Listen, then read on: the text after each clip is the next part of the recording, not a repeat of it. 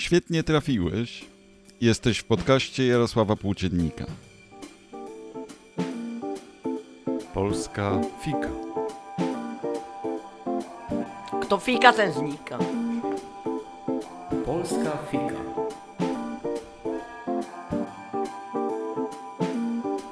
Polska fika. Polska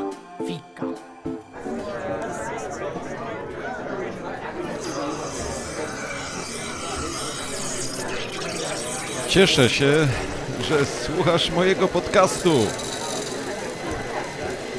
Zapraszam Cię na miłą pogawędkę przy kawie.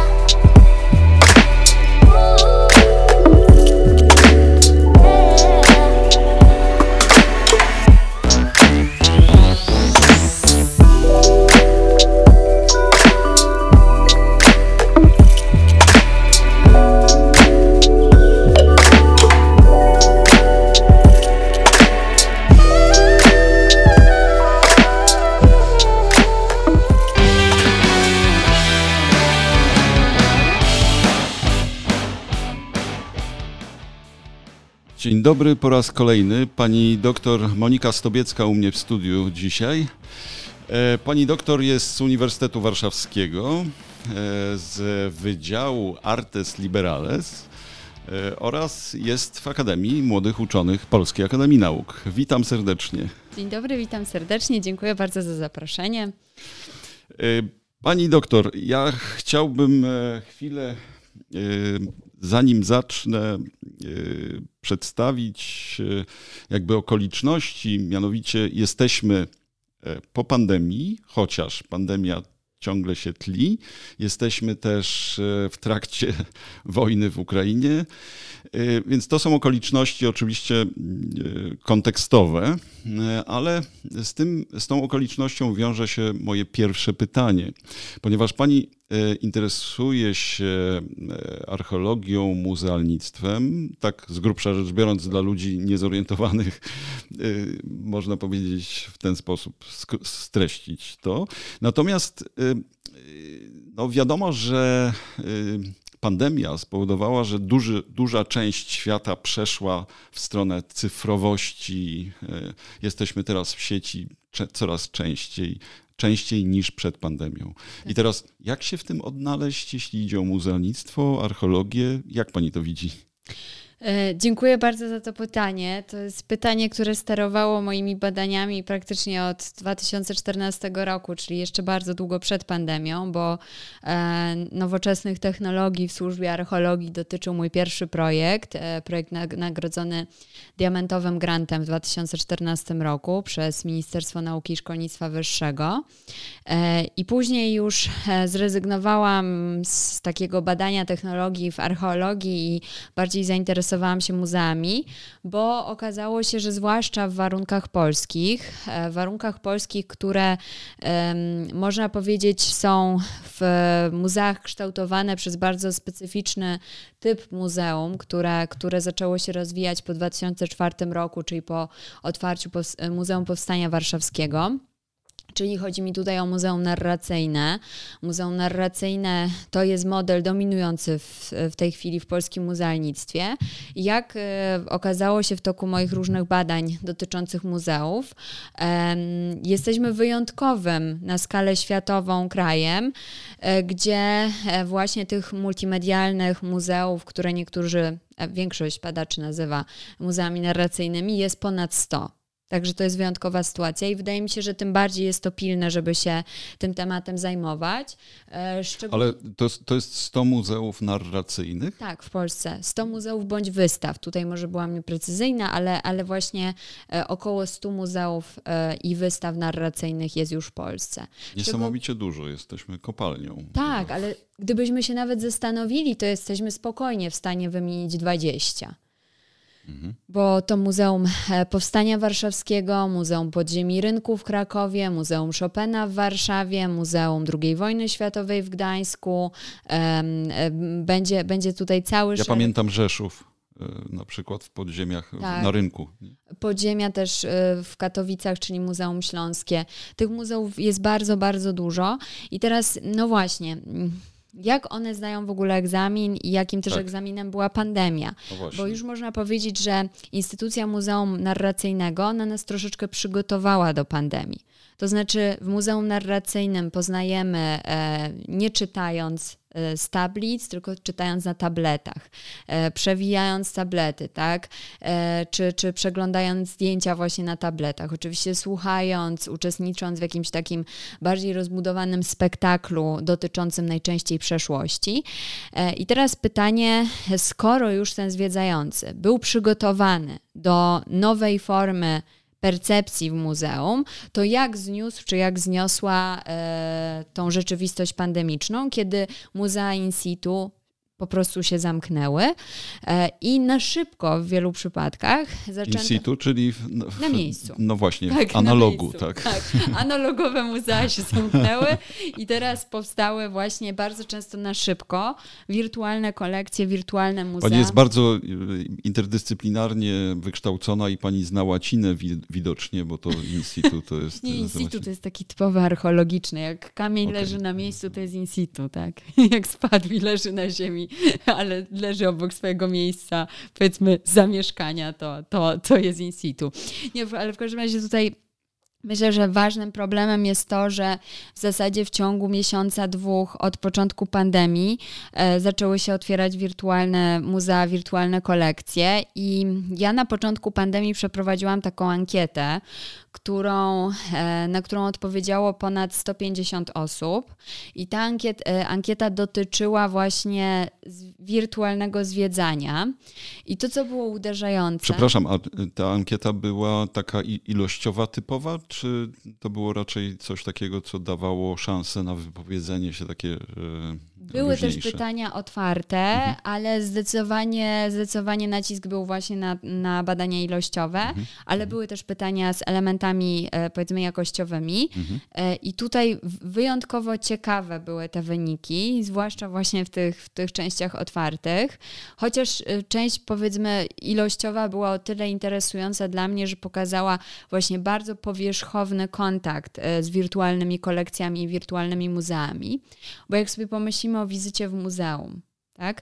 Wyprawie do muzeum bardzo często w niektórych przypadkach, no to zwykle w muzeum jesteśmy, no nawet jeśli powiedzmy wystawa jest mała, no to minimum pół godziny, godzina, tak? Nie mówię tutaj o wielkich muzeach typu na przykład Muzeum II wojny światowej, które zwiedzasz się minimum 6 godzin. Tak samo Polin, e, Muzeum Historii Żydów Polskich, też no, trzeba mieć zarezerwowane minimum 6 godzin. Natomiast jeśli chodzi o e, wirtualne kolekcje, to ten kontakt właśnie z kolekcją cyfrową to jest 15 minut, no w każdym razie mniej niż pół godziny.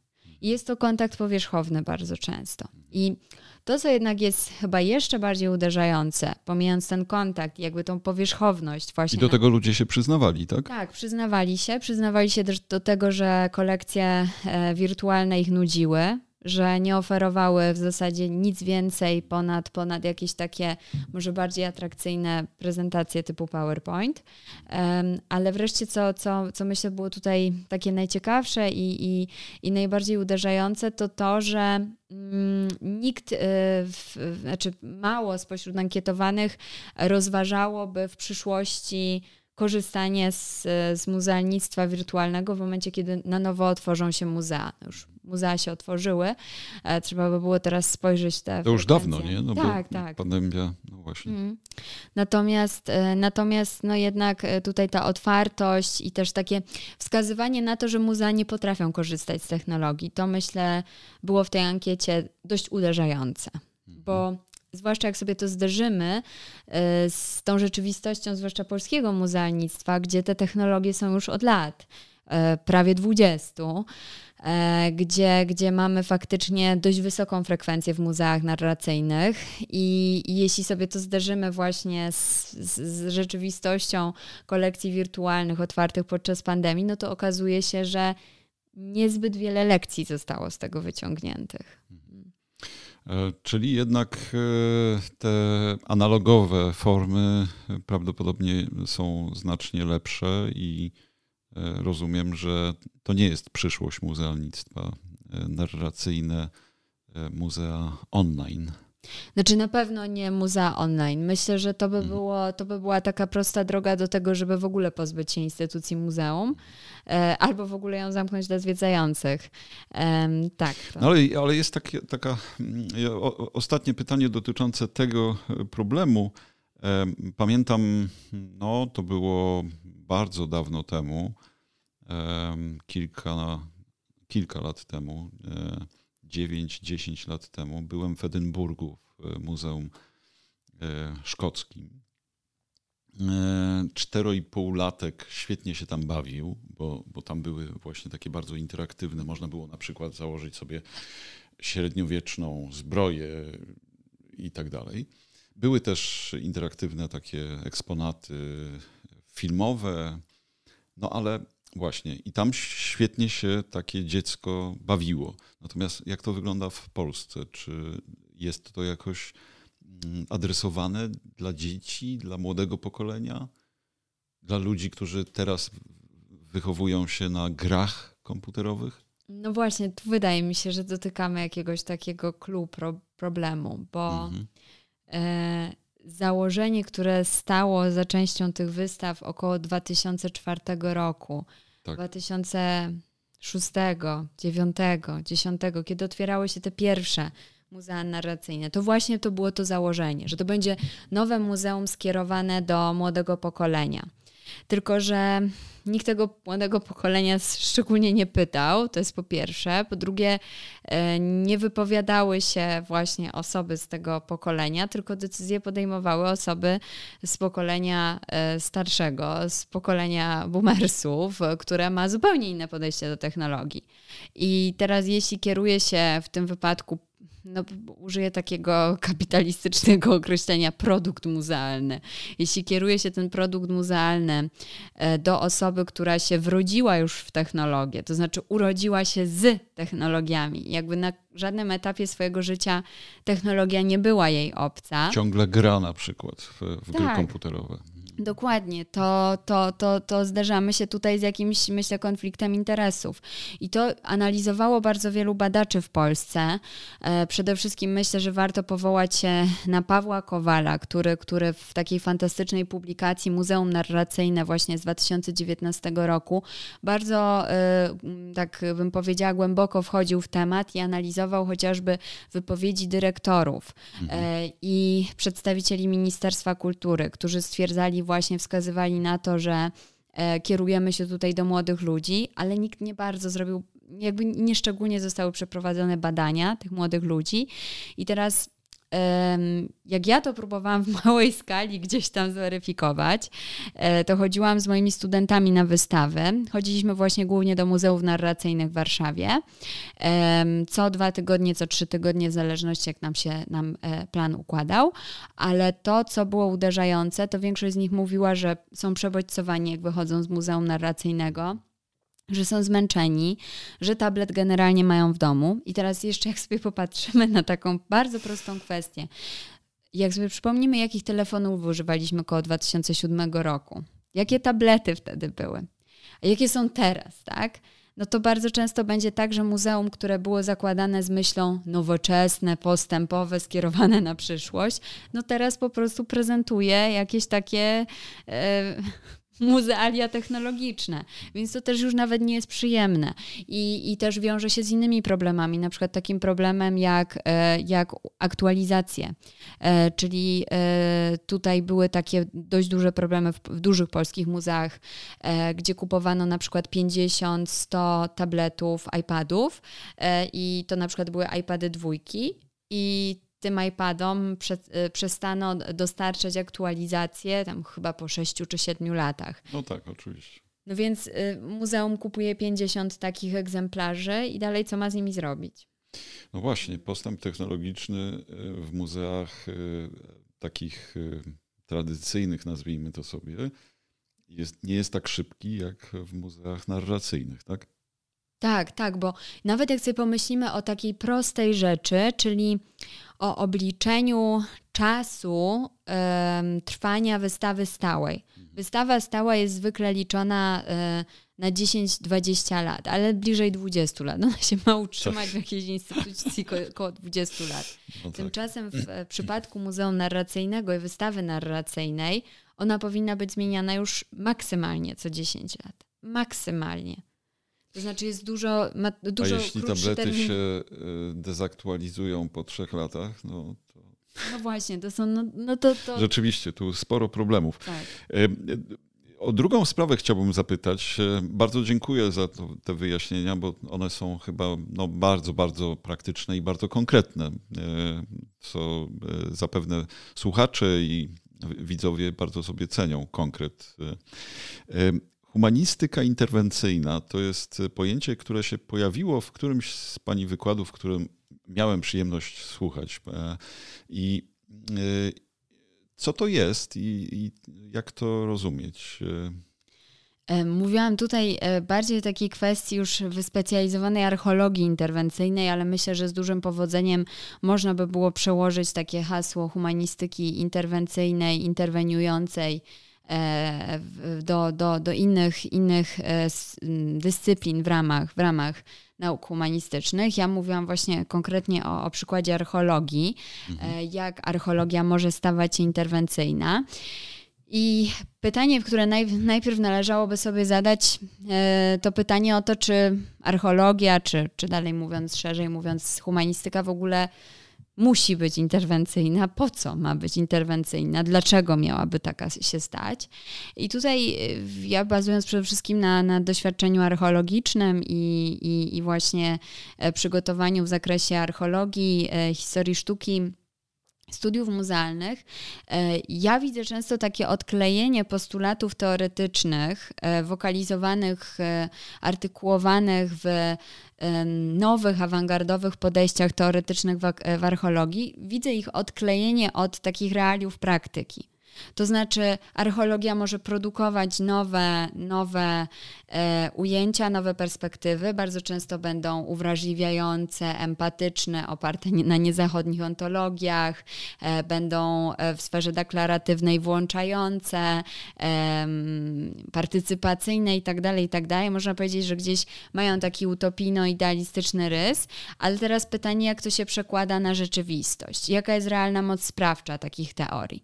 I okazuje się, w, powiedzmy, po, po, po, po dekadzie e, e, lansowania różnych, różnych takich podejść, e, innowacyjnych i na pewno bardzo inspirujących, bo ja tutaj nie ukrywam, że, że inspiruję się bardzo podejść, tymi podejściami, można jednak zauważyć, że one mają kiepski odbiór w praktyce. To znaczy, czy, przepraszam, czy ja tak? dobrze rozumiem? To znaczy, nie wystarczy być e, humanistą zaangażowanym, empatycznym, włączającym, dozwalającym na e, partycypację, czy nie tylko tolerancyjnym, ale właśnie włączającym, tylko trzeba czegoś więcej, żeby pani mogła nazwać to humanistyką interwencyjną. To znaczy nie, wydaje mi się, że chodzi o, o konkretne strategie, które mhm. w ramach tych teorii e, e, gdzieś się proponuje. To znaczy, że nie chodzi tylko o to, żeby w sferze deklaratywnej mówić, jacy powinniśmy być, tak? I dlaczego tacy powinniśmy być, tylko też wskazać, jak powinniśmy tacy być. I tutaj właśnie odnosiłam się do pomysłu archeologii interwencyjnej, e, pomysłu, na który wpadłam właśnie myśląc o, o tym, w jaki można powiedzieć hmm, mało spektakularny sposób archeologia zareagowała na, e, na kwestie, na problem i na dyskusje też publiczne na temat dekolonizacji.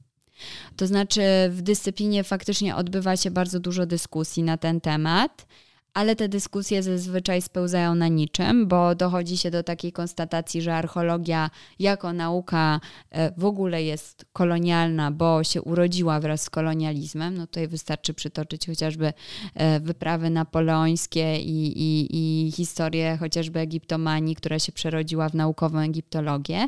Niemniej, co jest myślę tutaj istotne, to to, że właśnie, że te, te dyskusje o dekolonizacji w archeologii, one często potrafią gdzieś utknąć. I zaczęłam się zastanawiać, co by mogło je uratować, co by mogło archeologów pchnąć do działania, bo w sferze deklaratywnej oni wiedzą, jakby e, zdają sobie sprawę z tego, że coś jest ważne, potrzebne, e, że odpowiada też na potrzeby współczesnego świata, no ale ale jakby w dalszym ciągu za teorią nie idzie praktyka. No tak, ale to jest e, szerszy problem można powiedzieć, że od XVIII wieku nauka się rozwija tak. razem z kolonizacją, imperializmem, kapitalizmem mhm. E, zaawansowanym i tak dalej, prawda? wyzyskiem świata, tak. eksploatacją e, jakby produktów naturalnych, czy też nawet nie produktów, tylko zasobów naturalnych. Mhm. I teraz jak to oddzielić? To znaczy, e, no bo naukowe zaangażowanie jest jakby tożsame z takim właśnie, z taką zdobywczością, z kolonizacją. Malinowskiemu można byłoby zarzucić, że jest kolonizatorem, bo w białych się mm.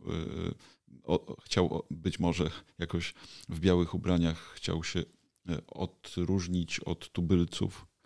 No właśnie, jak, jak pani to widzi? To znaczy widzę, widzę to w ten sposób, że e, są różne sposoby dekolonizowania.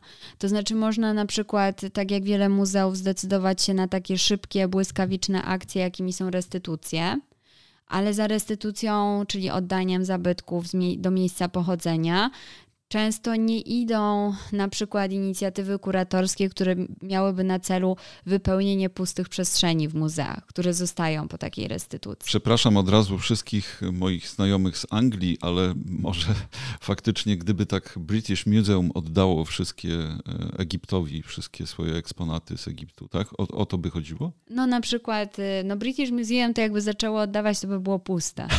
No właśnie. Tak, jest, jest o tym nawet seria memów, także polecam serdecznie. Bardzo, bardzo polecam.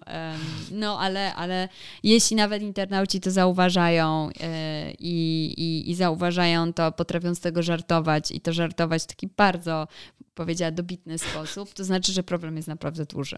No. Tak. No, z drugiej strony oczywiście czasami nie ma czego wystawiać. Ja przepraszam, opowiem anegdotę. Kiedyś e, chciałem się wyprawić, e, żeby e, do, do Lublina wyprawiałem się przy jakiejś okazji i pomyślałem sobie, pojadę do Czarnolasu przy okazji, zobaczę Jana Kochanowskiego, tam jest jakieś muzeum i tak dalej. Pojechałem faktycznie. No, mm, trochę byłem rozczarowany już na wstępie, no bo to, to jest taki, taki dworek jakby. E, w tym dworku jest kilka sal i większość z nich jest wypełnionych takimi obrazkami e, wcale nie z epoki.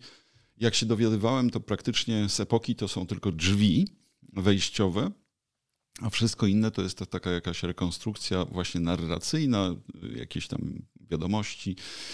No i w pewnym momencie w ostatniej sali, ni stąd, ni zowąd, patrzę, a tam taki słomiany wiecheć, IHS. Ja wtedy akurat badałem zainteresowania Jana Kochanowskiego reformacją i, i wiedziałem na pewno, że w żaden sposób no, Kochanowski nie jest związany z żadnym kultem e, komunii, e, Bożego Ciała itd. itd.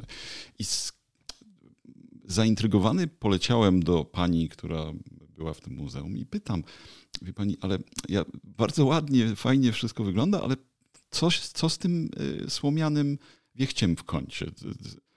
A, wie pani, wie pan co, tutaj był, były kiedyś dożynki, był marszałek Struzik, przepraszam od razu, że mówię tak, jak powiedziała ta pani. Tak, tak. Był marszałek Struzik.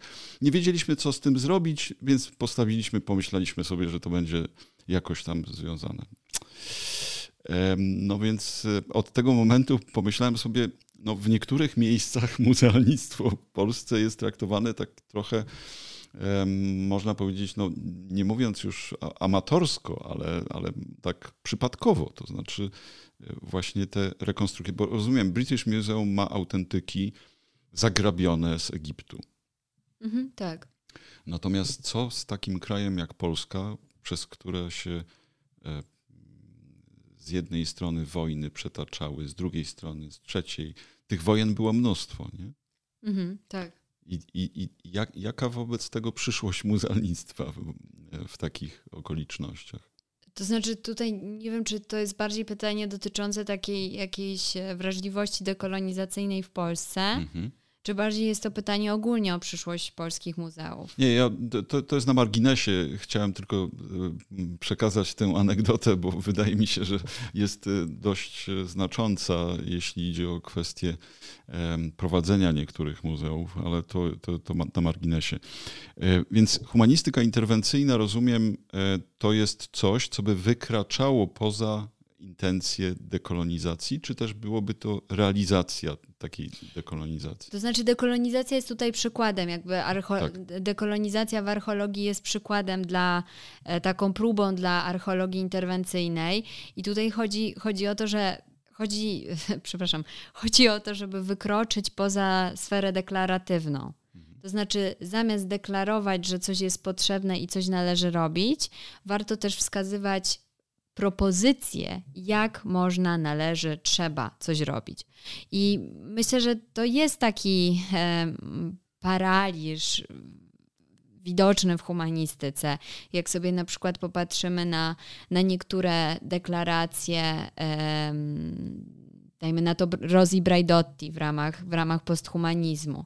E, to są wszystko fantastyczne hasła, fantastyczne kategorie myśli, przez które warto, warto dalej myśleć. Natomiast pytanie, jak to wcielać w życie? Jakby jakie strategie tutaj proponować, jakie, jakie, jakie właśnie praktyki wynikają z takich teorii, jakie mogą wynikać, a jakie się nigdy nie wydarzą i dlaczego. Więc wydaje mi się, że tutaj jakby archeologia interwencyjna, czy szerzej taki projekt e, humanistyki interwencyjnej byłby projektem, można powiedzieć, wdrażania, e, wdrażania teorii już w praktykę. W praktykę. Byłby to aktywizm. Można powiedzieć, że rodzaj aktywizmu aktywizm społeczny. I z tym się może kojarzyć też moje następne pytanie dotyczące, bo też e, w trakcie Pani wykładu e, jakby zaintrygowało mnie to, że użyła Pani takiego określenia, że e, archeologia może czasami wyglądać jak performance, kiedy na przykład wjeżdżamy gdzieś i robimy wykopaliska, to to jest tak. rodzaj spektaklu. Tak, i tutaj odnosiłam się e, do takiej realizacji artystycznej, projektów artystycznych w zasadzie na pograniczu. E, no właśnie ciężko by to było zaklasyfikować, bo, bo artysta to definiuje jako art and science i pewnie badacze by się zgodzili, kuratorzy i krytycy też. E, I chodzi mi tutaj o Marka Diona, który zorganizował takie dwa projekty. Jeden się nazywał Tate Thames Dig, a drugi New England Dig. E, czyli właśnie wykopaliska zorganizowane w, w Tamizie. E, to jest dig. Dig, dig, dig, dig. Dig, dig, dig.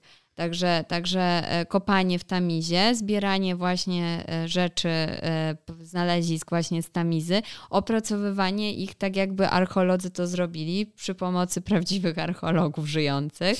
Pokazywanie też zwiedzającym tego całego warsztatu archeologicznego, różnych etapów właśnie prac archeologicznych i wreszcie finalnie wystawienie znalezisk właśnie z tamizy opracowanych w ramach wystawy sztuki współczesnej w Tate. I później ten projekt został powtórzony już nie w Wielkiej Brytanii, a w Nowej Anglii, w Stanach Zjednoczonych, gdzie właśnie chodziło o, o zbieranie e, obiektów zarówno w lasach, ale też m, mm, chociażby obiektów z prywatnych domów, e, pamiątek, które miałyby właśnie e, też odpowiadać takiej archeologii, archeologii bardzo społecznej.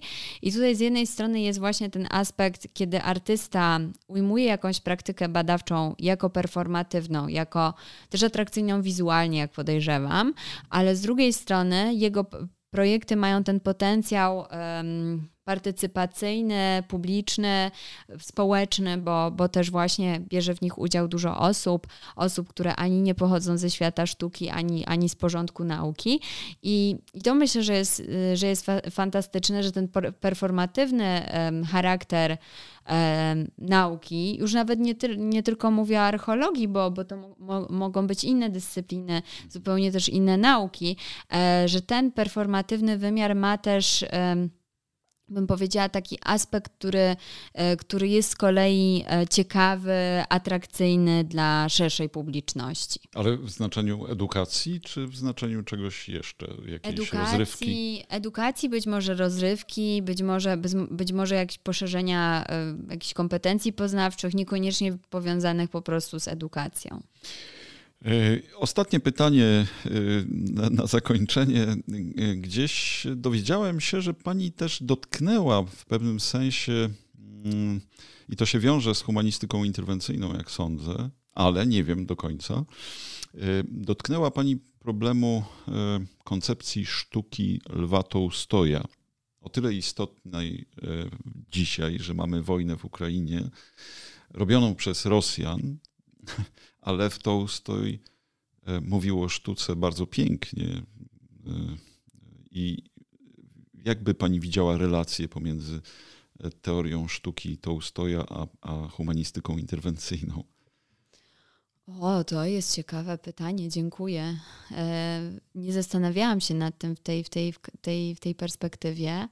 Ale biorąc pod uwagę to, że Tolstoj wychodził od tej e, teorii estetycznej Mikołaja Czernyszewskiego i takich ujęć i deklaracji jak piękno to życie, czy właśnie sztuka to życie, podkreślając właśnie taki też można powiedzieć codzienny, prozaiczny charakter e, sztuki i też poszukiwanie tego, co piękne w tym, co, co codzienne, a rzadko niestety ludzie na to zwracają uwagę w zabieganym świecie, to jest to jest taki, można powiedzieć, taka strategia baby steps w humanistyce interwencyjnej, że często, często jest ciężko zacząć od dużych projektów i od, od jakichś ważnych, dalekosiężnych praktyk, kiedy, kiedy nie jesteśmy w stanie zauważyć jakiegoś potencjału wokół siebie. I myślę, że no nawet chociażby takie przemyślenie estetyki wiem, naszego otoczenia i właśnie zwrócenie uwagi na to, na to, na to piękno wokół nas, może być rodzajem interwencji, zwłaszcza interwencji w dobie kryzysu, w dobie wojny w dobie pandemii, która się przecież wcale jeszcze nie skończyła, w dobie, e, w dobie zmiany klimatycznej, antropocenu. Jakby mamy tyle kryzysów już w tym momencie i tyle czarnych myśli nas nachodzi i myśląc o, o młodszym pokoleniu, o, o ludziach, którzy teraz na przykład zaczynają edukację, szkołę, studia, wydaje mi się, że to jest szczególnie istotne, żeby budować właśnie jakąś taką no właśnie nadzieję, postawy, które, które w, tym, w tym całym tragicznym współczesnym świecie pozwolą zobaczyć, zobaczyć jednak blask słońca. I tym optymistycznym akcentem myślę, że zakończymy y, całą sprawę. Dziękuję serdecznie. Bardzo dziękuję za obecność